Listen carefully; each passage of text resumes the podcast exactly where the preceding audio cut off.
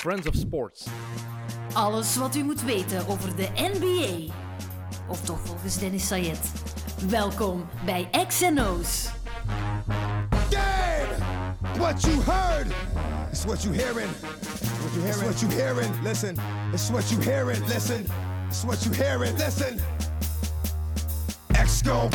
Dag allemaal, de All-Star Break zit er weer op en dat betekent dat we in de laatste rechte lijn van het reguliere seizoen in de NBA zitten. Nog een wedstrijd of 30 ongeveer en dan weten we welke 16 ploegen kans maken op de NBA-titel.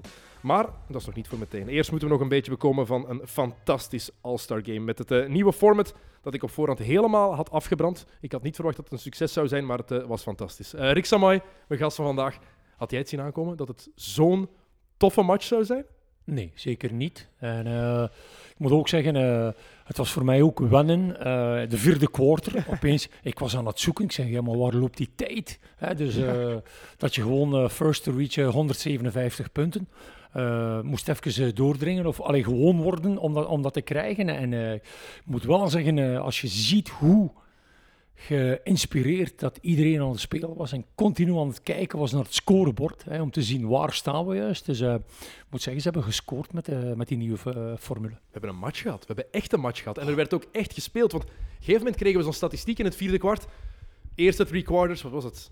60 dunks of zoiets. Ik weet, ik weet Ik dacht de cijfers niet. 49. En dan vierde kwart. En toen, toen was er nog geen enkele zelfs, denk ik. Nee. Want LeBron heeft die op het einde erdoor gedunkt. Ik denk dat dat... eh, Eentje. eentje ja, misschien nog eentje daarvoor. En no easy shots. Oh, heerlijk. Eh, hard werken voor eh, zelfs een one-on-one. En eh, iedereen, als je ook keek naar die, naar die lichamen, allemaal bezweet. We hebben genoeg, denk ik, in het verleden All-Star Games gedaan. En dat waren tenuutjes dat je gewoon mocht afgeven, één netjes oplooien. En we gaan volgend jaar die terug aan Ja, doen voor de volgende. Maar die van afgelopen zondag niet hoor. Twee jaar geleden hebben we er een toffe gehad. Toen het de eerste keer was dat de spelers mochten draften. Toen het LeBron en eh, Stephen Curry waren. Toen was het ook een leuke All-Star game. Maar dit format, ja, je zag iedereen inderdaad, oké, 157 punten, dat is een rechtscoren. En dat veranderde het hele gevoel van die match. En ik vond het ook tof om een match te hebben zonder breaks. Amper Ja. time-outs, amper Ja. geen time-outs voor naar commercial te gaan. Ja. Kon al niet. Je hebt niet wat je altijd hebt in wedstrijden, in gewone wedstrijden. En wat eigenlijk voor, misschien wel het grootste pijnpunt van basketbal is. Het einde van een match kan ongelooflijk saai zijn. Fout, vrijworpen. Fout, vrijworpen. Fout, vrijworpen, time-out. En nog eens, dat kan heel lang aanslepen. Mhm. Nu was dat niet zo. Het was Nee. helemaal anders. Nee, en er is nog iets. Wat is zelfs scheidsrechters nodig voor deze All-Star Game? Laten we eerlijk zijn. Ze waren niet goed, maar ze waren er. Nee, maar, maar had ze, hij had ze nodig, hè? Dus we hebben toch genoeg All-Star Games gedaan, waarbij dat je zegt van, amai, als er hier één is, of drie, die een allee, easy money hebben, dat waren echt die drie scheidsrechters, want er gebeurde gewoon niks. Geen enkele fout, eh, noem maar op. Eh, dus het was toch enkel drie punten shotten en dunken. Ik denk dat die echt geschrokken waren, die scheidsrechters. Als het vierde kwart eenmaal bezig was, dat ze zagen, oh, is dit de intensiteit? Dit, zijn, dit is bijna playoff basketbal. En bij elke call die ze verkeerd hadden, en het waren er wel wat, vijf gasten die echt in hun nek begonnen. Ik vind het er soms een beetje over, maar ik vind, vond het ook geniaal. Ja, maar zelfs niet alleen de spelers, ook de coach, die dan ook nog een... eh, hè, dus, eh, allee, ik bedoel, rechtzetting, en dan, en dan hoeveel keer heb je die herhalingen niet gezien van die play of van die play, dus... eh, Het blok van, het blok van, eh van Giannis op LeBron bijvoorbeeld. We hebben het er net al heel even Ja. over gehad. Dat was nu wel een play die heel moeilijk in te schatten was, denk ik, voor de scheidsrechters. ja. Maar ik vond de reacties daarop gewoon fantastisch. Daarom dat ik het even aanhaal. Ik vond het fantastisch hoe iedereen daar helemaal gek van werd. En normaal gezien, vorig jaar in het All-Star Game had iedereen het gewoon naast zich neergelegd. Ah ja, goaltending, who cares? Verder spelen. Ja, Let's le- go on. als, je, als je ook kijkt naar het publiek, normaal ga je gaan kijken naar een All-Star game. En je zet je net, eh, netjes neer en af en toe gaat het dus toch zeker eens in je handen klappen. Hè? Want je kunt wel zeggen, dus een, eh, ja, een mooie dunk of zo, maar het is nooit in traffic. Het is altijd easy, dit en dat. Als je ziet, maar ik ga nu niet op een minuut, maar volgens mij de laatste vijf minuten stond Hans, hè? Het Chicago Stadium stond recht. Hè? En eh, mocht gerust nog een beetje langer duren ook, eh, maar eh, iedereen genoot van de intensiteit van die stars. Hè? En terecht, en terecht. Ik vraag me af of ze dit concept nu ook in andere matchen is gaan gebruiken. In de G-League bijvoorbeeld, daar durven ze al eens wat me- meer dingen testen. Hè? Om een vast te scoren. Los van het Kobe Bryant verhaal, dat hebben ze nu mooi gedaan met die 24 punten erbij optellen. Maar bijvoorbeeld dat ze zeggen in het begin van een match, oké, de richtscore is 150. Bijvoorbeeld. Of dat ze zeggen na het derde, na het derde kwart zeggen, oké, jullie hebben nu allebei 125 punten. Wie het eerst 150 punten scoort, wint de match. Ik denk dat ze daar nog mee gaan testen. Ik hoop niet dat dat echt gebruikt wordt in NBA-matchen. Maar ik denk wel dat ze daar iets mee gaan proberen. Wat ik moet zeggen, eh, ik, ik voel daar de nood, zelf voel ik, voel ik daar de nood Mhm. niet aan. Maar als ik ga kijken, of als ik kijk naar een, eh, naar een NBA-wedstrijd, geef ik eerlijk toe dat ik eh, heel snel altijd de eerste helft ga proberen over te slaan. Omdat je de intensiteit eh, en ook de juiste tactische zaken beginnen vanaf quarter 3 te zien, die dan resulteren meestal in money time in vierde quarter, waar de coach wel mee eindigen. Dus wat dat betreft denk ik toch dat we zeker goed gedaan. En zeker in playoffs denk ik dat, geef mij dan maar die vier quarters Mm. en dan zien Maar we het wat. is Adam Silver, hè? En Adam Silver is wel iemand die constant dingen wil uitproberen en wil testen. Daarom dat ik denk van dat, dit, dat hij dit niet zomaar gaat laten. Hij heeft gezien, oh, dit is een gigantisch succes. Heeft gewerkt. Mhm. In het All-Star Game sowieso gaan ze dit al blijven doen, denk ik. Ja, goed, maar misschien is het dan ook Dennis, zoals dat ze, ze komen naar Europa hè, voor één of twee of drie, whatever dat ook Dat is. ze daar testen. En- nee, ja, goed, waarom is niet naar. eh, we komen naar Europa, bang, en we gaan dat daar eens eh, doen. Waarom niet? Maar het mag wel geen regel worden. Je mag het eens een keer Nee. proberen, maar het Nee. moet echt wel een, een uitzondering blijven. Ja, maar anderzijds, als je het wel probeert, moet je het dan niet elk team eens laten doen? Ja? Dat je niet met, met verval, Allee, je mag toch nooit eh, gepakt worden dan op vervalsing of Ja, op dus zo'n zaken. Dus eh, hmm, ik denk dat dat zwaar weet. Natuurlijk, met dat All-Star game zit je onmiddellijk. Maar als je dat dus test, denk ik toch dat ieder team gaat zeggen: ja, maar ja, zij hebben het doen, waarom wij niet? Ja, ja. Of omgekeerd, eh, waarom wij en de rest dan niet? Dus ik denk dat dan nog wel een paar, eh, dat er nog een beetje water door de zee gaat moeten gaan, uh, vooraleer dat we daar gaan zijn. Een paar interessante dingen die we ook gezien hebben. Onder andere dat ehm Giannis Ante- Antetokounmpo niet heel goed is in talent kiezen. Als je die ploegen vergeleek, het was spannend met momenten, maar als je kijkt naar het team van LeBron in het vierde kwart, wie daar op de bank zat in het vierde kwart, was Ben Simmons, Chris Paul, Devin Booker, Jason Tatum, Nikola Jokic. Dat is toch iets anders dan een Chris Middleton en een Rudy Gobert en een Brandon Ingram en Jimmy Butler bijvoorbeeld. Hè. Het Ah, zijn maar- allemaal all-stars. Het is Juist. echt Ja, tuurlijk, details, tuurlijk, hè. tuurlijk. Het, is, het is echt detailwerk, hè. laat Maar- dat duidelijk zijn. Giannis is dan misschien iemand die meer kijkt naar een team. Hè, dus eh, dat je zegt van LeBron, en, en ik denk ook dat LeBron ook eh, eh, de mannen die je juist allemaal noemt, dat die nog wel een extra stapje gaan doen voor LeBron. Hè, dus, en dat Giannis dan meer de kerel is, ja, die, die, die zoekt voor dit en dit en dit heb ik nodig Mm. in my team. Ik vond het eerst raar toen ik het nieuwe concept hoorde, nieuwe format, ehm, dat er echt drie quarters waren die van 0-0 zouden beginnen. Dat elke ploeg een quarter kon winnen. Maar ook dat bleek de goede keuze. Ook dat bleek voor extra spanning te zorgen, Ja. vooral in het derde kwart, toen het echt Ja, wie gaat dit kwart winnen. En je zag ze ervoor gaan. hè? fantastisch. Ja. Maar ik vond ook het koppelen eraan, dacht ik, van die charity. Dus dat vond ik toch ook wel een, eh, Mhm. een goede zaak. Hè. Dus waarmee dat je dan ook twee kampen creëerde. Hè. Dus eh, het was ofwel voor blauw ofwel Ja. voor rood. Dat je dus kon centen verdienen. En dan inderdaad, dus die derde quarter. eh, als je ziet hoe dat er dus intens werd ge- om ook maar die quarter te kunnen winnen. Was, uiteindelijk was het een tight, maar goed, toch... Allee, ik heb er echt heel... ehm, Heel gefocust naartoe gekeken. Mm. Eh, in het verleden was het veel meer eh, terugleunend. eh Half, ernaartoe half kijken. slapend. Ja, half slapend. En dan afvragen van wie gaat van het verst een driepunter maken en wie gaat de mooiste dunk maken. Dus dat was dan me- veel meer hetgene er was. Met dan misschien, als je chance had, de laatste twee minuten een beetje game. Mm, Ik ben even aan het zoeken, want een paar dingen die ik wel cool vond. onder andere het feit dat Anthony Davis de match beëindigt met een vrijworp. Iedereen had er wat kritiek op, maar achteraf gezien, het eerste punt uit de carrière van Kobe Bryant was een vrijworp. Het laatste punt uit de carrière van Kobe Bryant was een vrijworp. Dus dat is wel heel mooi, vind ik zo. En Ja, ik had hier nog iets gezien, maar ik ben aan het, ik ben niet meer zeker waar het was. Een hele mooie optelsom, 155, 157. Als je dat allemaal bij elkaar optelde, dat je ook iets met 8 en 24 eh, weer had. Ik weet het niet meer wat van buiten, wat het cijfer precies was. 17 en 7 is, eh, ja, dat is 24. 155, 157, 1 plus 5 plus 5 is 11. Ah, Oké, 1 plus 7. Oké, maar ik had dan... ehm, Puur toeval. Puur toeval. ja maar goed, maar als we dan, eh, dan toch zoveel over, over Kobe zijn, die 24 jaar, en de twee, waar sloeg die dan op? Ik had daar een 8 verwacht. Nee, voor de dochtertje. Voor Oké. ehm, Gigi. Die speelde met nummer Die 2. speelde met nummer Ja, 2. en daarom, LeBron heeft ook bewust gekozen, want de, de kapiteins mochten dat kiezen. Ja. En LeBron heeft voor nummer 2 gekozen. En toen ze hem vroegen waarom, zei hij voor Zuri, zijn eigen dochtertje. Dus dat was, vind ik ook mooi dat ze het daarom, daarom echt wel gedaan eh, Heel hebben. mooi. Ook mooi eerbetoon Heel voor, mooi, de, voor de match van eh, Jennifer Hudson voor, eh, voor Kobe.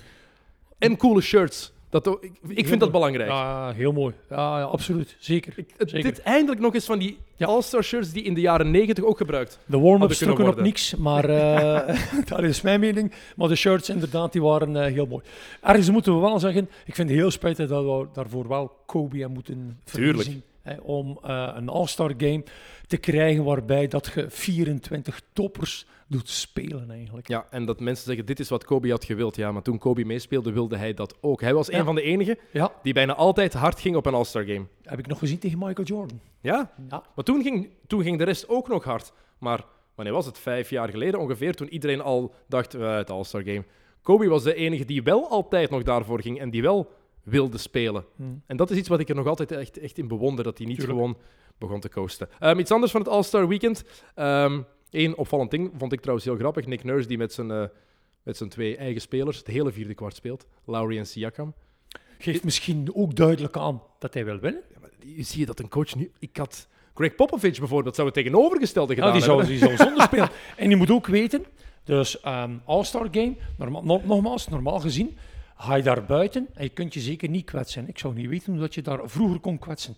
Maar zoals dat het hard eraan toe ging, afgelopen zondag, was ik toch heel blij. Ik heb ook nog eens gelezen en nadien, ik zeg, er zijn daar toch echt geen gekwetsten uit geweest. Want er zijn daar aardig wat, allee, aardig wat koeken uitgedeeld geweest. hè. Heb me dan net gezegd van eh Giannis, hoe dat die Harden heeft aangepakt. Ja, maar goed, zij, zeker Harden. Harden is geen... eh, eh, die, die, kan tegen, eh, die kan tegen een serieuze stoot. Hè. Dat is geen... eh, Ja. maar, eh, Het is zo, maar als ze in de zomer spelen, die pick-up games, ja, je krijgt er maar flarden van te zien, maar daar gaan ze ook harder dan ze in de All-Star Games van de afgelopen jaren zijn gegaan. Ja. En dan denk ik, als het kan in de zomer, dan kan het ook in het All-Star Game. ja, zeker. Voilà. En ze hebben dat nu gedaan. Ehm, nog één ding van het All-Star Weekend wat ik niet onbelangrijk vind.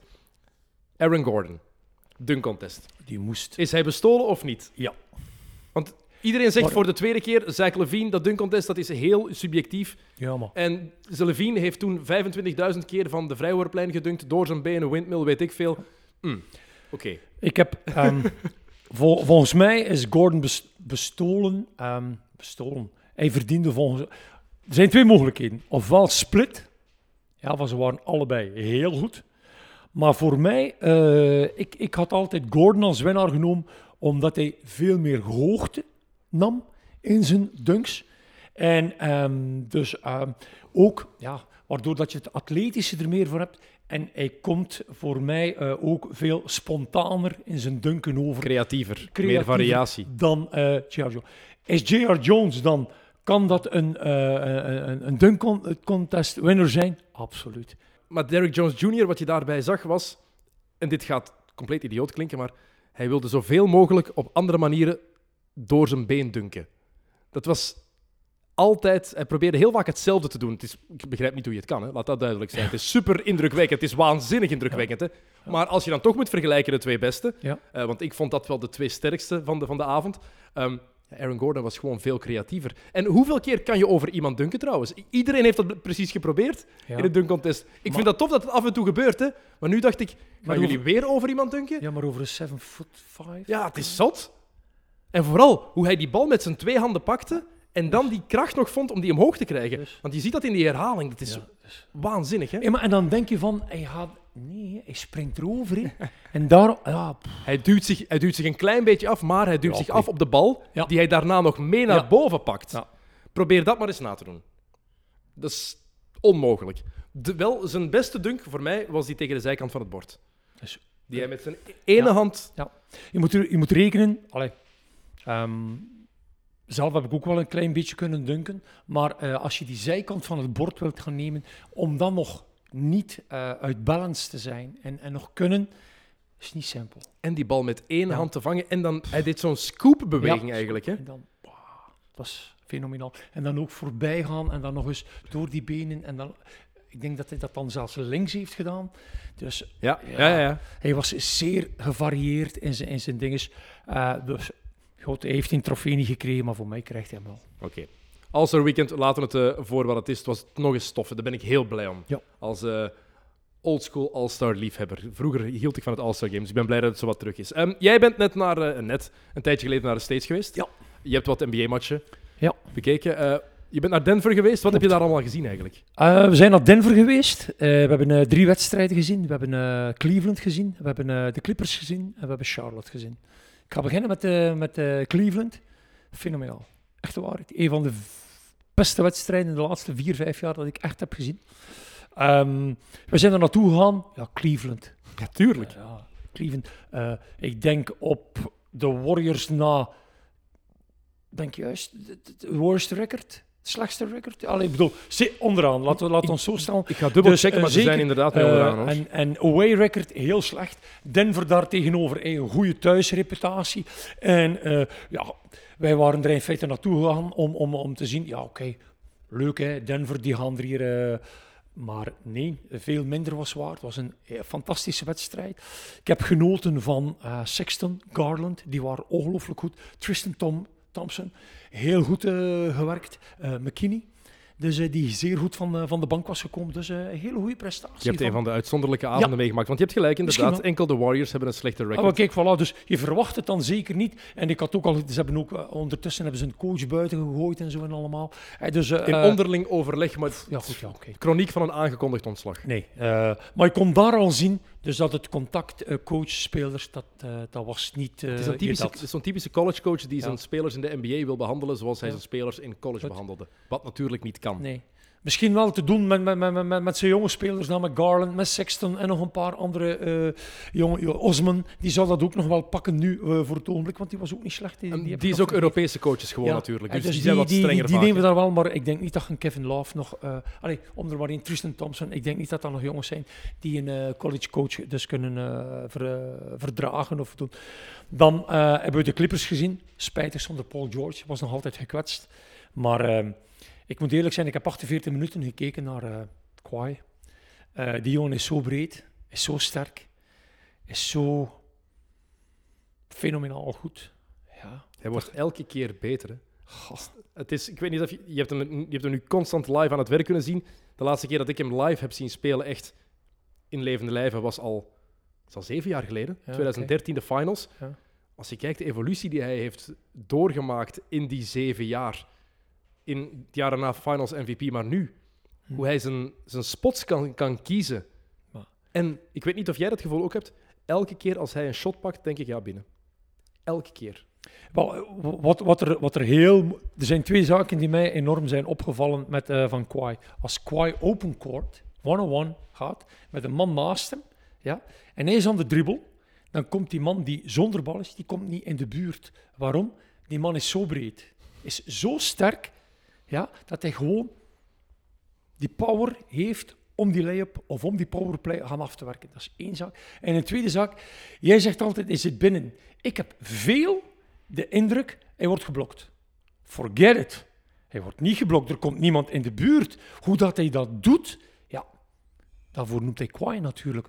Maar het is zo mooi. Ik heb zoveel blokshot. No way. Binnen of een goed shot. Dus je ziet hem ook zelden ja, potshots nemen. Hè. Dat is een shotselectie is echt. Zijn shotselectie is een selectie die eigenlijk heel veel analytici niet zouden aanvaarden, niet goed zouden vinden. Want hij leeft voor een groot deel ook van midrange jumpers, fadeaways. Ja. Je ziet heel veel Michael Jordan en Kobe Bryant in hem terug. hè. De manier Ja. waarop hij die Ja. shots pakt, naar zijn spot gaan, Hm. die halve post-up, Ja. balletje krijgen, turnaround, up. Het is Ja. zo knap om te zien hoe hij dat onder de knie heeft gekregen. Ja, ja. Maar ik- buiten dat, ik zeg open court, is hij ook eh, Ja, tuurlijk, tuurlijk. Maar dat is, mooi, mooi om te zien. het is prachtig. Eh, meer en meer die three-point range dat hij ook begint te krijgen. Dus ehm, nee. En, en defensief, een one-on-one defender, ja, is hij nog altijd eh subliem. Hè? Het is niet de MVP van dit reguliere seizoen, Nee. maar ik denk intrinsiek. Als je mij vraagt, kies één speler als cornerstone om de titel mee te winnen. Ik kies Kawhi. Ja, tuurlijk. Ja, omdat hij, hij, hij heeft alle facetten van het, eh, van het spel. Het enige wat dat hij, ehm, maar daarvoor ken ik hem misschien ook niet, leadership, daar denk ik is hij soms te gemakkelijk. En laat hij zeggen dat soms te gemakkelijk. Het is echt eh, lead by example bij hem. Hè? voorbij eh, passeren. Allee, als, als we nu een paar voorbeelden nog nemen van eh, eh, Jordan ging dat nooit laten passeren. Kobe ging dat ook nooit la- laten passeren. Nowitzki ging dat ook allemaal nooit laten passeren. Dat waren echt eh, leaders. Hè, dus Kawhi is daar, eh, gaat zich dan eh, soms schikken in, tussen aanhalingstekens, een meer ondergeschikte rol dan. Misschien lijkt dat ook gewoon zo. Ik vraag me dat, Dat af. kan Ik- ook. Ik weet het niet of dat effectief zo is. Want ik denk als Lou Williams twee keer een game winner pakt en hij mist twee keer, Ja. dat Kawhi in de kleedkamer wel duidelijk zal maken: next time, Maar bal naar mij. als, als, als Kawhi subliem aan het spelen is, gaat hij 30 keer shot? Dennis? Het is sowieso iemand die geen 30 keer shot Ja, zei dat- het moet. Hè. Vorig jaar tegen Philadelphia, game 7. hè, De, de match met het bekende shot, Ja. de bal die vier keer op de ring botst. Toen heeft hij 39 shots gepakt, denk ik. Omdat het moest. Hm. 16 op 39. Oké. Omdat niemand goed was, omdat niemand Alright. scoorde. En ik moet nu. Maar het is een zeldzaamheid dat hij dat, Voilà, eh, dat doet. exact. Want ehm, ik heb altijd de indruk dat hij eh, voor zichzelf uitmaakt, ja maar oké, ik ga niet al mijn kruid verschieten of al mijn energie offensief gaan steken. Hij is volgens mij zo eh, opgevoed of zo'n eh, manier van spelen dat hij zegt van, oh, ik heb ook energy nodig om die kerel hier, ik heb voor mezelf uitgemaakt, die gaat maar x aantal punten maken. Van, ja maar, eh, zo'n kerel, zo- zo'n kerel is dat, hè. Die, ik, ben er bij, allee, ik ben er bijna van overtuigd, hè. Dat hij zegt van, straight, one-on-one, krijg jij zoveel punten van mij. Niet meer. En eh hij moet uit je pijp komen als je iets meer wilt maken. En dat, dat is zijn manier van spelen. Eh, derde match die je gezien hebt daar? Oh, dat was... Sorry, dat was, eh, eh, zoals dat, co- dat was tegen Charlotte. En zoals dat coach Popovic al twee keer heeft gezegd, de fans hadden hun geld moeten terugvragen hè, aan de rust. Ja, maar het zijn zijn woorden, dus dat hadden wij ook moeten doen. Van, maar nie- niemand kunnen genieten, zelfs niet van nee. Devontae Graham bijvoorbeeld. Die ik Eh, wel graag spelen Ik heb, eh, ik heb eh, enorm genoten van, eh, van een rookie, Porter. Ehm 2 en 8. Eh, nog iets te scherp of nog iets te licht. Bij, bij de. Nuggets dan natuurlijk. Bij de Nuggets dan. Ja, bij de Nuggets. Ja, Ah, sorry, bij de Nuggets. Ja, eh, bij de Nuggets heb ik eh, enorm kunnen genieten van Porter. Om terug te keren bij, bij, bij Charlotte, nee. Ik heb van niemand kunnen... Ik had gedacht van, ik zeg, Roger had misschien toch voor iets kunnen zorgen. Maar ik vond hem een beetje overweight en allemaal. En nee. Oké. Hebben daar Straf? twee minuten van- gezien die op iets trok en de rest, nee. Oké, straf. Ehm, we gaan het zo meteen over Denver hebben, want die heb je natuurlijk drie Ja. keer aan het werk gezien, dus die ken je beter dan de andere drie. Mhm. Eh, dus de volgorde voor jou, de match die jij gezien hebt daar, is 1 Cleveland, 2 Clippers, 3 drie Charlotte. Ja. Straf.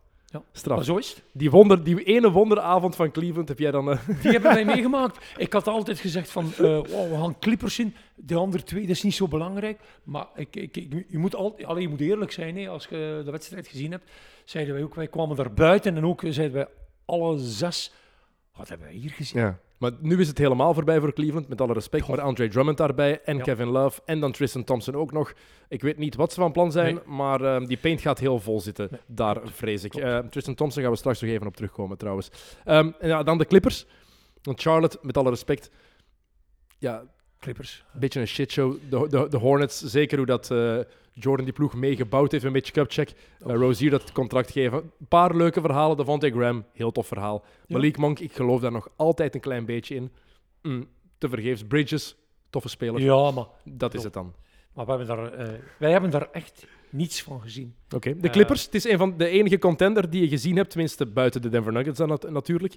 Ehm, maar het is ook zo'n contender waar ik mijn mening maar niet over kan, kan, kan vormen. Omdat het elke keer anders is. En elke keer zie je dingen, zie je andere dingen. Dat moet nog beter. Dat moet nog beter. Want je kent de mogelijkheden van die ploegen. Je weet het intrinsieke talent. Je, je ziet wat die ploeg kan doen. Hm.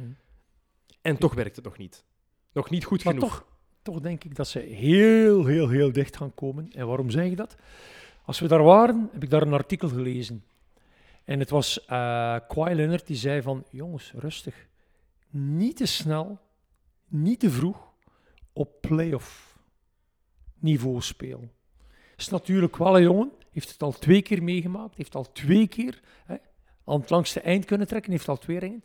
Dus ehm, ik denk eerlijk gezegd dat ze daar nog niet vol, vol, vol gaan. Want als je ook kijkt naar, eh, goed, volgens mij de, de Lakers waarschijnlijk. eh, Denver, maar ik ga er daar straks eh, over, over verder doen. Maar Clippers, die zijn volgens mij, die zijn on die zijn op schedule. Die zijn on schedule. Nu, Reggie Jackson komt daar nu bij. Ehm, gisteren kon- wa- waarschijnlijk, hoogstwaarschijnlijk, eh, contract laten uitkopen bij de Detroit Pistons. Ja. Ehm, dus die bank wordt nog wat sterker. Sterker, tenminste als je naar de namen kijkt. Ik ben nooit de grootste Reggie Jackson fan geweest. Ik vraag me ook af hoe dat gaat lukken binnen die ploeg. Hoe dat die chemistry gaat veranderen. Er, er gaan nog buyouts aankomen. Dat kan tot begin maart als ze mee willen spelen in de playoffs. Dus ze hebben daar nog een week of twee voor om spelers zomaar gratis in te lijven, minder Ja. dan twee weken zelfs. Eh, ik vraag me af wat er gaat gebeuren. Eh, Tristan Thompson is iemand die bijvoorbeeld genoemd wordt, al zie ik die met zijn clutch contacten niet meteen naar de Clippers gaan, wel naar die andere ploeg uit LA. Ehm, maar je merkt wel aan die ploeg, zeker als Paul George er dan bij is, is hij, was hij niet bij jou, maar het is inderdaad de playoffs die tellen, maar je moet daarvoor toch wel een klein beetje weten hoe je wil spelen. Die chemistry vinden. En dat heb ik nog niet. Ik heb nog altijd het gevoel dat Doc Rivers aan het zoeken is. Oké, dit is hoe ik een ploeg wil spelen. Nee, dit is de manier. Het is altijd een beetje anders. En Mhm. de juiste manier, of ik zal het zo zeggen, de manier om de Lakers eruit te smijten, bijvoorbeeld, heb ik nog niet gezien. Voorlopig. Nog niet constant genoeg. Maar ik ga er niet tegenspreken. Ik ga je zeggen waarom. Omdat het ook de twee beste ploegen zijn in het Westen. En als er... Er is maar één onbekende in het Westen waar ik van denk, waar we momenteel niet kunnen, en dat is Houston. Waarom? Dus die doen Capella weg, Houston. En dan zeg je van, wow, jullie gaan een totaal andere manier gaan eh, opbrengen van spelen. Dus er zijn nog twee perimeters, forwards aangekondigd.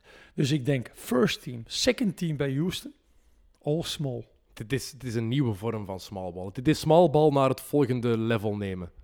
Ja, Het is en ze hebben, waanzinnig. er, ze hebben er de geknipte coach voor. Hè? Ja, het is Ja, maar- ja, het is... Dit, Hey, D'Antoni kan remember, all-out gaan. remember Phoenix? En dan stel ik mij de vraag van, als dat tempo zo hoog gaat liggen, als je een vijf-speler hebt, ga je dat nodig hebben? Als je er tegen speelt? Dat weet, allee, ik weet het niet. En daarom denk ik, de Clippers, dat die al eh, Reggie Jackson erbij nemen om hun second unit nog sterker te maken, om in de breedte, in, laten we zeggen, in de minuten die gaan nodig zijn, om daar nog meer weerwerk kunnen te bieden. Dat is volgens mij al richting Houston. Maar ik zie, ik zie niet in waarom je bang moet zijn van Houston. Totaal niet. Het staat los van mijn eigen subjectieve mening, want om het even heel subjectief te zeggen, dus dit is puur mijn mening, kakploeg om naar te kijken. Het is echt, ik vind dat, ik kan daar niet naar zien. Ik vind het absoluut, maar dat is mijn mening. Ik vind het absolute bagger. En ik vind dat jammer, want James Harden is een fenomenale speler. Russell Westbrook is een van de beste atleten die we ooit in de NBA gezien hebben. En die dit jaar eigenlijk verrassend genoeg een goed seizoen aan het spelen is. Hij kan nog altijd niet shotten. Hij heeft dat nu meer en meer door dat dat zijn rol niet is. En Houston is ook een beetje anders beginnen spelen om Westbrook meer in die ploeg te doen passen.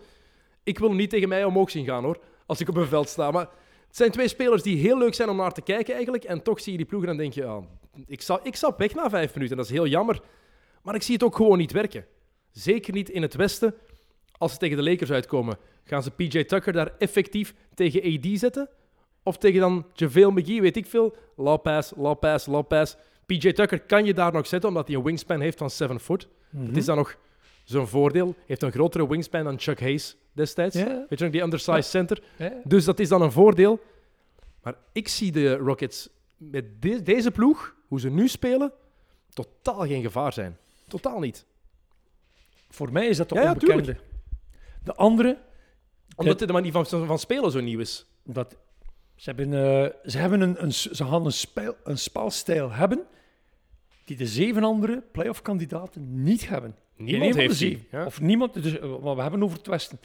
Als je dan kijkt, ehm, Denver, die daar ook heel bovenaan staat, die gaan niet verder dan tweede ronde playoffs. Ja, je gelooft En- dus totaal niet in Denver en niet in Utah. Ik ga je zeggen waarom. Dat is een ongelooflijk braaf ploegje. En dat is niet, dat, die, die mensen daar, dat is niet ehm, met het mes tussen de tanden. Daar lopen geen etters rond in die ploeg. Dat zijn, eh Jokic is volgens mij good player, very good player. Maar dat is geen AD, dat is geen Kawhi. Dat, is, dat gaat niet lukken, echt de waarheid niet. En ik zie ze on the road geen prijzen pakken. Echt niet. Dus ze moeten eigenlijk zeker zijn van die number two seed om kans te maken op de conference finals zelfs volgens jou. Ja, maar dat, en dat gaat niet lukken volgens mij. En Utah geloof je ook niet in. dan? Nee, geloof ik ook niet in. Eh, ja, goed. Oké. Dit zijn... eh, is jouw ik, eh, mening, hè, Rick? Ik, eh, ja, tuurlijk. eh, die, die, twee, die twee ploegen van LA, die gaan het, eh, die gaan het volgens mij onderling eh, uitmaken. Zo simpel is en, Houston, en ik Houston als underdog. Vind En ik echt- blijf Houston als underdog gebruiken. En waarom eigenlijk? Omdat ik zelf niet weet hoe dat het gaat lukken. Maar dat is inderdaad wel waar. Het is compleet nieuw. Niemand heeft ooit zo gespeeld als wat Houston nu gaat proberen. Want ze, Ja. de twee big men zijn Tyson Chandler en ehm, Hartenstein. Ik weet zijn voornaam niet meer. Maar Tyson Ja. Chandler, na vijf minuten mag je het Maar vergeten. Die van de spelen allebei 37 jaar is van de carrière. Dus wat gaat er gebeuren? Het gaat met de Tucker gebeuren. En met wie gaat er op de vier spelen? En wel waarschijnlijk James Harden. Ik, zeg maar zoiets, maar dat gaat... Je kunt alles switchen. Je kunt... Weet ik veel wat, Ja. wat dat ze gaan doen. Allee, defensief gaat zeker wel niet eh, outstanding zijn. Want D'Antoni is zeker daar ook de coach niet voor. Dus... En de ehm, Westbrook en Harden zijn daar de spelers niet voor om te verdedigen. Ook niet onbelangrijk. Dus, Oké, ik ben heel laat benieuwd. komen. Ja. Eh, Denver. Jij gelooft er dus. Je gelooft wel in de Rockets, Hm. niet in Denver. Ehm, is dat puur door wat je gezien hebt in het stadion daar, of was het daarvoor ook al? Nee, dat is door het, eh, het gevoel dat ik heb gekregen in, eh, in het stadion zelf. En ook ehm, elke dag ook artikels gelezen en ook van eh, de lokale kranten. Allee, lokale kranten, het is een serieuze stad, Denver, het gaat, daar niet, gaat daar niet over. Maar leest daar ook van, ehm, it's a family. En ik heb daar niks tegen, hè. Maar als je wel kampioen speelt, ja, dan moet er meer zijn dan een family. Dan moeten enkele mannen hebben die er... eh, bijlopen ook om elkaar zijn hoofd eraf te kloppen. Mhm. ik, ik zie Nikola Jokic wel als iemand die iemand zijn kop eraf zou slaan. Qua mentaliteit. Het is wel de enige, inderdaad, voorlopig. Ehm, Jamal Murray, die de laatste tijd ook zijn spel naar een beter niveau getild heeft, was niet helemaal. Een probleem is daar Gary Harris, die ineens blijkbaar offensief niet meer kan basketten. Nee. Ik weet niet wat daarmee gebeurd is, maar die is zo... Maar Er, er lopen er zoveel die mediocre zijn. Hè. Barton is ook zo mediocre. Niet slecht hoor, maar niet goed genoeg. Voor mij, Grant, die heeft voor mij wel een eh, zeer atletisch, grote jongen. Smal ook wel. Kan het niet anders als ze Michael Porter beter gebruiken? En als een beter gebruiken, die tenminste het volle vertrouwen geven. Want er wordt veel gezegd, ja, hij komt nog terug uit blessure. En daarom eh heeft vorig jaar een jaar niet gespeeld om die blessure te laten genezen. Het jaar daarvoor in college ook een jaar niet gespeeld. Stevige blessures. Een rug mag je niet forceren, dat weet ik ook. Nee, maar Maar als je hem fit verklaart, je kan hem 20 minuten laten spelen, dan moet je hem ook beter, vind ik, gebruiken in dat systeem. ja. En als je kijkt naar, puur naar talent en naar mogelijkheden, zou dit eigenlijk de tweede optie van die ploeg moeten zijn, boven Jamal Murray. jawel. Is het, misschien is dat te vroeg nu, als rookie? Uh, moet wel zeggen, ehm, het, het moment is er zeker. Ik ga je zeggen waarom. Hij wordt ongelooflijk geapprecieerd door het eh, publiek. Dus is een jongen die. eh, dus als je dat, stel dat je dat nu als coach of als eh, organization, dat je dat doorvoert, dan gaat er geen mens, maar geen mens je ongelijk geven. Dus waarom het niet gebeurt, moet andere redenen. Ja, Mike Malone, rare keuzes. Vind jij dan ook dat Nikola Jokic, dat je met Nik- Nikola Jokic als eerste optie, als beste speler, niet kan meedoen voor de titel? Dat is niet het soort speler dat echt de beste speler van een kampioenenploeg kan zijn? Ja, daarmee En waarom? Door zijn rol of door... Ja, nee, ik vind die niet, ik vind die niet super genoeg om, ehm, om die rol te Maar nemen. het is echt een pure point guard, bij wijze van spreken. Hoe hij bij Denver speelt, is echt de point guard van die ploeg. Ja, goed, ja, hij shot drie punters en zo en allemaal. Terwijl ik dat ik hem eh, veel. Allee, denk, denk ik dat hij veel efficiënter is op andere spots. Maar ik denk ook dat hij veel beter uit de verf zou komen moest hij nummer 2 spelen. Dat er een echt een key player boven hem staat. En dat hij dan effectief Ja. die point guard echt kan spelen. Ja, Want hij staat heel graag top of the key. oh, dat hij heel vandaar gra- aan het ver- rechterkant. Ja, maar dat hij van dat doet hij ook fantastisch. Fake handoff, assist, effectief handoff, pick and roll, pick and pop. Goeie bolhandler, hè? voor zijn 2 meter en 18. Zeer goede bol. En een sublieme passer. Hè? Ik denk voor mij dat ik al gezien heb in mijn jaar. Ik heb nog nooit een betere passing big man gezien. Nee. Ik heb. Arvidas van Sabonis zien spelen in zijn nadagen bij Portland. Nooit in zijn topdagen bij Real Madrid. Daar was ik te jong voor, dus heb ik nooit echt gezien. Bij Portland was het ook een fantastische passer, maar niet. Jokic heeft nog dat, Ja. dat tikkeltje extra. Ja, zeker. En ehm, Sabonis was echt een vent van 2,20 meter, speelde als een vent, ik bedoel statisch. Hè, terwijl, hè, dus, en van daaruit dat hij een hele goede pass is en ander eh bounce pass, whatever het was. Maar Jokic is ook nog eens die passer vanuit de move. Hè. Dus ja, ja. Ik denk ook dat hij eh, zeker een beter, eh, een beter passer is dan eh, Sabonis, absoluut. De, de Nuggets die natuurlijk ook een beetje in vorm aan het geraken zijn nog. Ehm Jokic die uit vorm aan het seizoen is begonnen, was met wat overgewicht teruggekomen uit het eh, WK, Mhm. ehm, die zijn vorm wel gevonden heeft. Ik vraag me af of dat nog een grote rol gaat spelen, ook in de komende, komende week, of nu nog een grote rol speelt, dat die vorm, Nee. dat ze hebben moeten Ik zag- zoeken. We hebben ook Nee. een paar trades gedaan natuurlijk. Nee, nee, ik, ik denk dat niet. Eerlijk gezegd niet. Eh, ik, had geen, ik had niet de indruk dat hij aan het worstelen was met eh, ja, een 5 à 8 kilo overgewicht. Nee, dat, dat idee had ik zeker niet. Oké, nou, Denver, Rick Samai gelooft er niet in. Het staat, eh, het staat genoteerd voor, eh, voor de playoffs. Ehm laatste deel van het seizoen komt eraan, van het reguliere seizoen, een match of 30. Hele algemene vraag, waar kijk jij nog naar uit? Het kan heel veel zijn, hè, want je hebt heel veel toffe ploegen, je hebt heel veel toffe dingen die nog kunnen gebeuren. Wel, ik ben heel blij dat Willemsen erbij gekomen is, dat Zion erbij gekomen is. Ja, maar goed. Ah ja, Dus- ah, maar ik, ja, ik beaam dat. Ehm, Moeten we meteen even bij stilstaan, alsjeblieft. Zion. Hij is nog beter dan ik had gedacht. van mij ook. Volledig mee akkoord. Oh. En dan heb ik één randopmerking. Als je dan maar... hij heeft er nu 10 gespeeld. Eh laat ons zijn dat er van die 30 nog 5 gaat uitzitten. Hè, dus 35 wedstrijden. Qua talent, ja. Beste talent die nieuw komt in de NBA. Maar als je maar 35 wedstrijden hebt gespeeld. Je weet waar ik naartoe ga. Ah, hij gaat geen Rookie of the Year worden. Ja, nee, nee, nee. Dat, dat is Dat, Jamorant. nee, nee, dat, is- dat is Jamorant. Maar het ding is, is wel Als- spijtig. als je een match op je televisie aan het kijken bent en op je laptop of je tablet bijvoorbeeld op twee schermen en je hebt een match van de Grizzlies opstaan met Jamorant en een match van Zion, je kan niet stoppen met naar Zion te kijken. Ryan Ja. Russillo zei dat pas nog in Ja. de Bill Simmons podcast. Ja. Je blijft gefixeerd op Zion. Ja. Die heeft zo'n magnetisch effect. Mhm. Dat is waanzinnig. En nu ga ik terugkomen op hetgeen dat we daarnet zeiden. Van, je vroeg daarnet van overweight van Jokic. Ja. Ik stel mij de vraag, als je zo'n lichaam hebt als Zion, hè, als eh, jaar in jaar uit 80 wedstrijden spelen, ehm, Met die manier van spelen. dat gaat een moeilijke, moeilijke opdracht worden. Vooral omdat hij echt een flyer is. Hè. Hij, Ja. Jokic, heb je Jokic ooit al hoger zien springen Nee, dan nee. Nee, heb je Jokic al ooit zien springen? Eh, Bijna niet, ik kan het me niet herinneren. ja. Het, Maar- het, het telt niet als springen. Nee, nee, nee, dat is juist. Dus hij gaat zeker nooit eh, fenomenaal gaan, gaan dunken of eh, zo'n zaken allemaal gaan doen. Liefst niet. Hè, dus eh, als je kijkt hoe dat Zion aan het spelen is. Waar ik ook van verrast, verrast ben, ik had nooit verwacht dat hij 27 minuten ging gemiddeld spelen. En eh, ik, had, eh, ik had toch eh, gehoord van zijn coach, ja, ik ga hem houden op 20 minuten, maar de druk is waarschijnlijk te groot. Je hebt hem nodig. De, de, de exposure is waarschijnlijk te groot met Zion erbij, dus dat hij hem meer moet laten spelen. Het is trouwens niet alleen het springen. Hè. Je moet ook eens kijken hoe hij van richting verandert. En vooral defensief. Het is een beetje zoals een, een eh, free safety in de NFL, in het American football, die ze zeggen. Die, die alles van de achterhoede zo wat in de gaten houdt. En dan van kant naar kant kan, kan sprinten. Gewoon die vrije rol heeft. En hij heeft dat ook wat in zich. Je ziet hem soms echt zo kijken, loeren naar waar hij naartoe Ja. mag. En dan met zijn versnelling. Ik snap ook niet dat iemand met zo'n lichaam zo snel kan zijn. Dat hij zo'n lichte voeten heeft Ja. als hij loopt. Je mag hem niet zien wandelen. Want dan denk ik... Ben je, als je hem ziet wandelen, denk je, je knieën zijn compleet kapot. Ja, maar zo- zo'n spelers hebben we al genoeg, zo'n spelers heb ik al genoeg gezien. hoor. Op hun Dus, die, 19e? aan het wandelen, nee, die aan het wandelen zijn, dat je zegt van die ga ik nu een keer geen eurocent geven.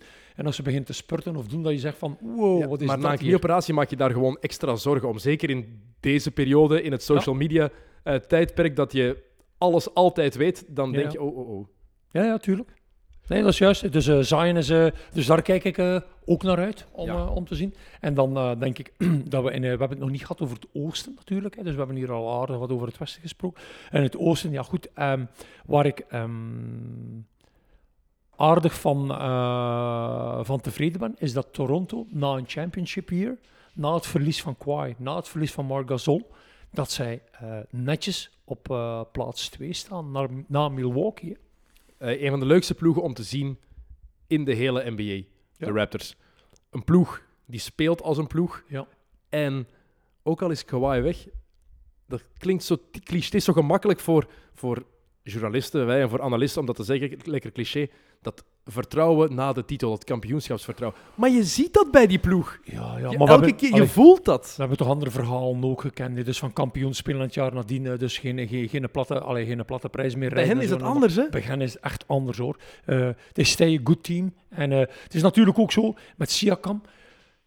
Gaan we er nog een keer in bij noemen. Ibaka, die speelt zijn beste seizoen in de NBA hè, dit jaar. Van Vliet, ook nog. Van Vliet, zijn 18 drie jongens. puntjes, even gekwetst geweest. Dan hadden ze het moeilijk. Fredje is terug. En, eh, nee, maar het is zo. Ja, hè. ja, ja. Ze zijn eh, heel... Ja, maar al, ik bedoel, is dat dan de verdienste van die Nurse? Ik weet het niet. Ik denk dat hij er zeker mee te maken heeft. Maar langs de andere kant, je verliest Kawhi Leonard, je finals MVP, je beste speler, dan moet dat opgevangen worden op de een of andere manier. Eh, met één iemand is dat bijna onmogelijk. En dat heb je nu met, je hebt eerst Ibaka al genoemd, heel belangrijk, want dat is misschien wel de meest onderschatte speler op dat vlak.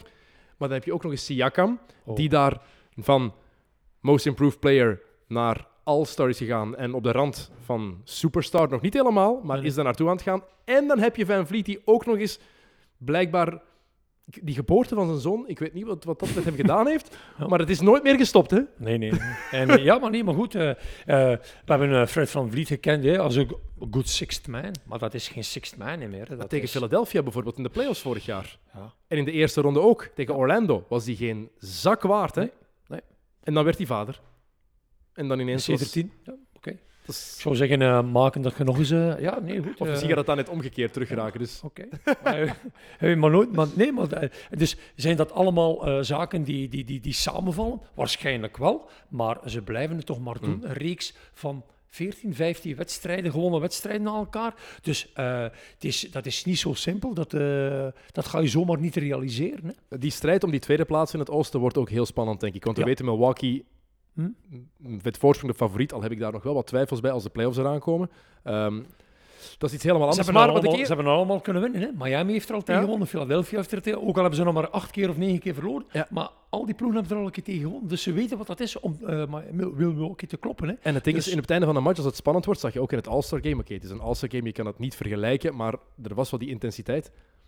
Janis heeft niet zo die ene go-to move Nee. om naartoe te gaan als het helemaal, als het trager gaat, als je niet kan lopen, als iedereen zich focust op, op hem, wat je Mhm. moet doen.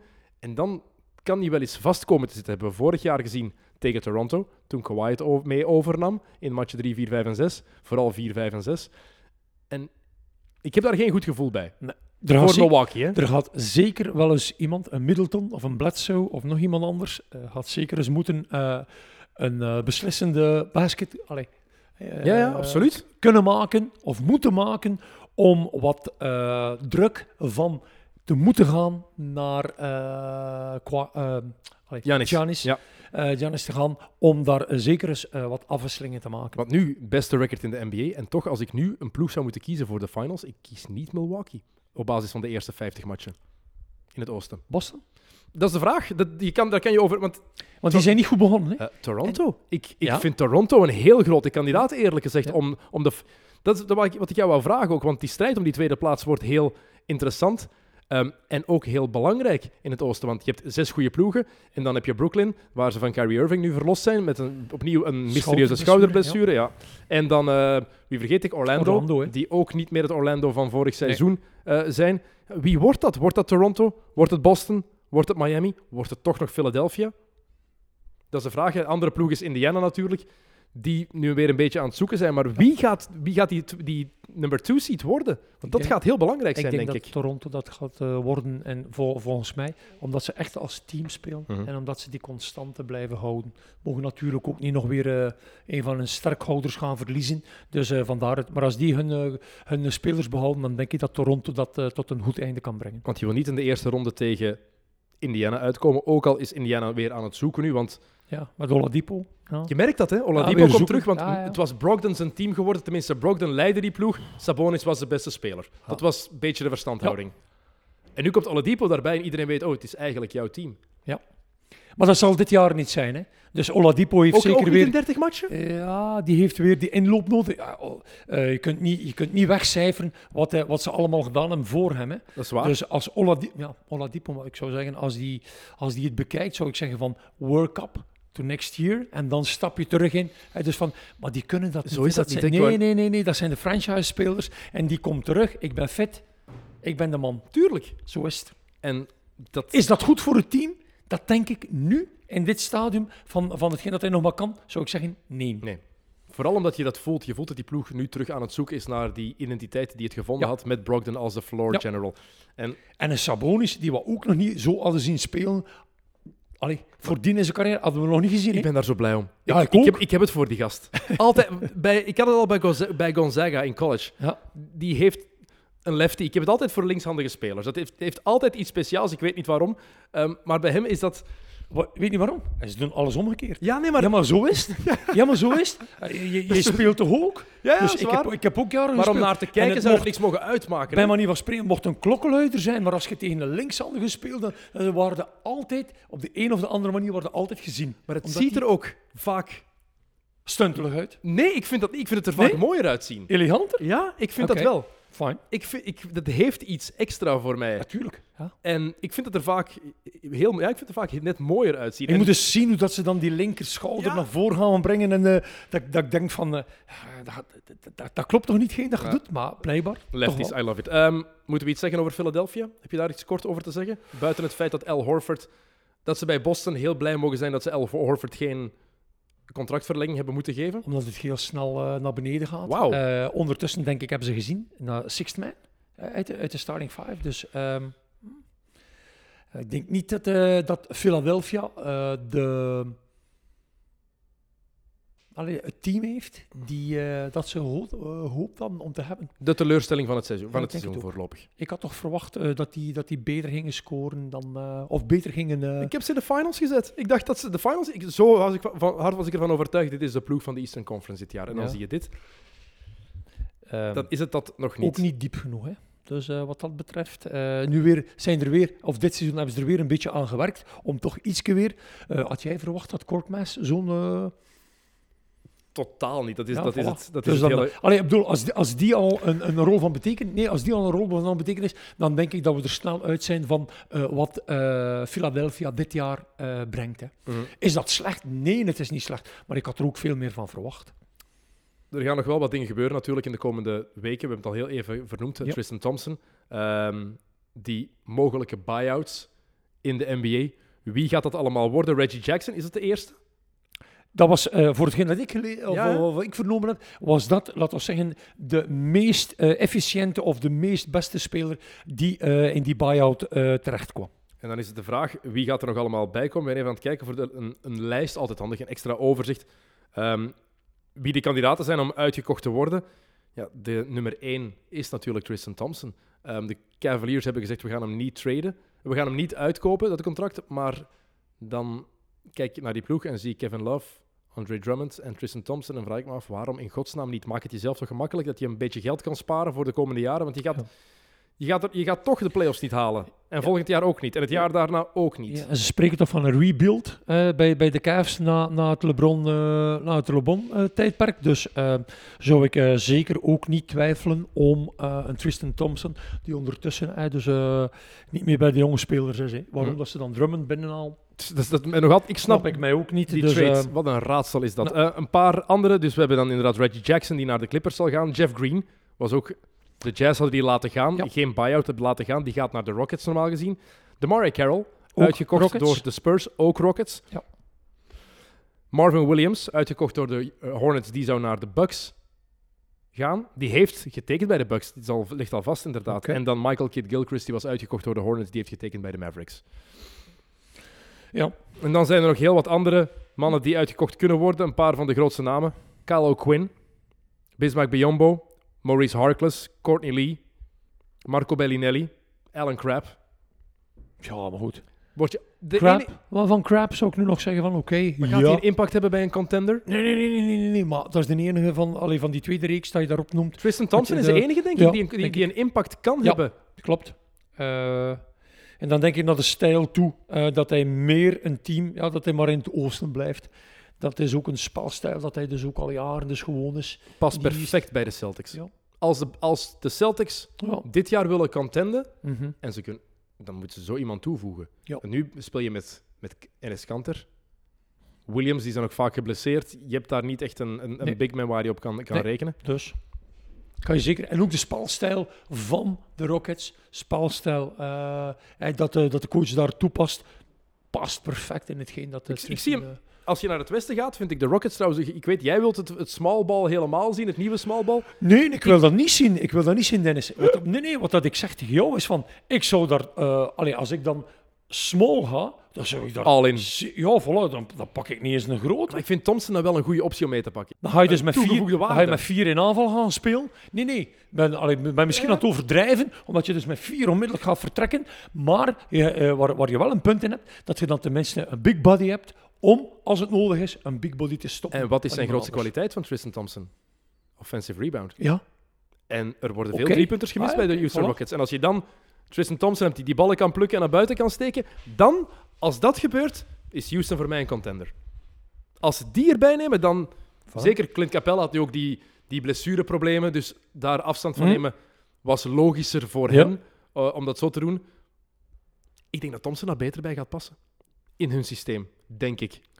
Dus hij, kan ook drie punters gooien nu, hè? Eh, maar ik zou er hem niet te veel laten gooien. Maar wat, wat je dan wel zegt is, van als dat gebeurt, denk ik dat die twee ploegen van Los Angeles dat niet graag gaan zien gebeuren.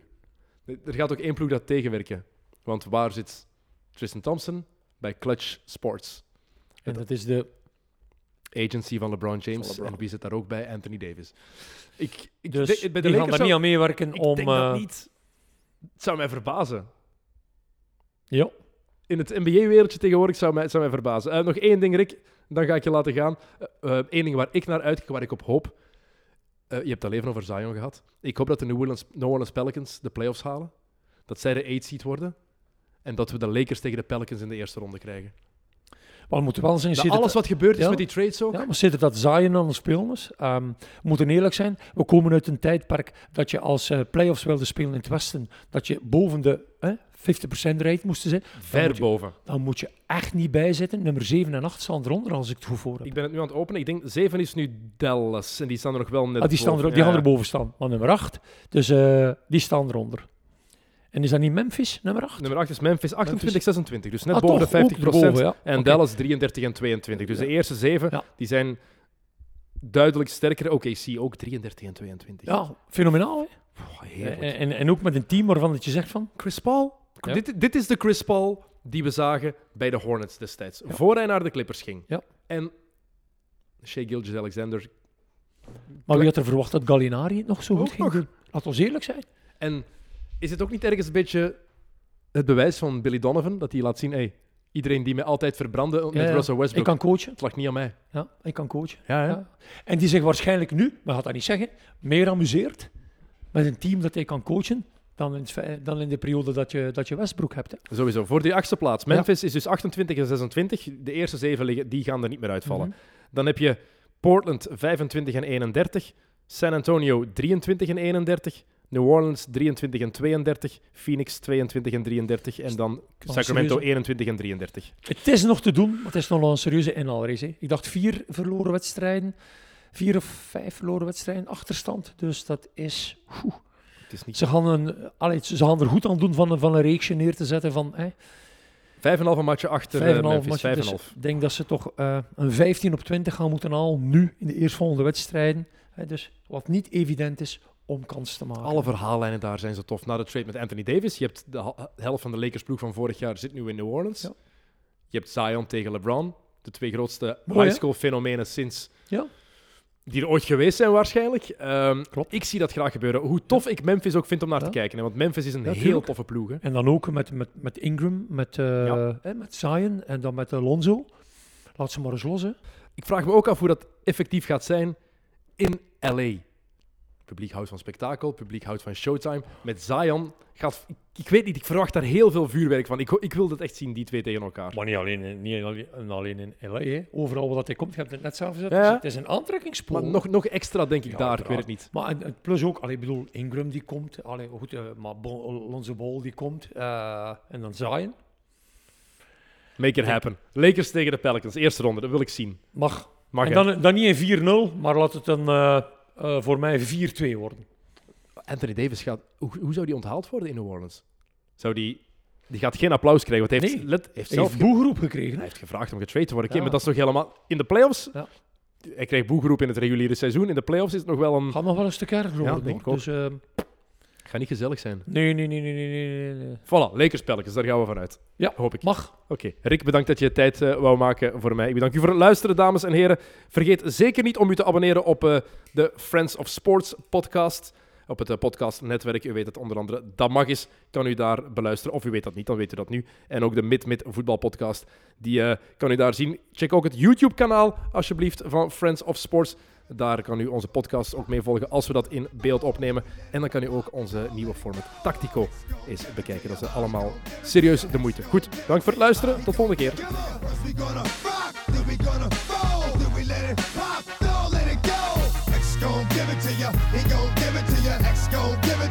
He gon' give it to you.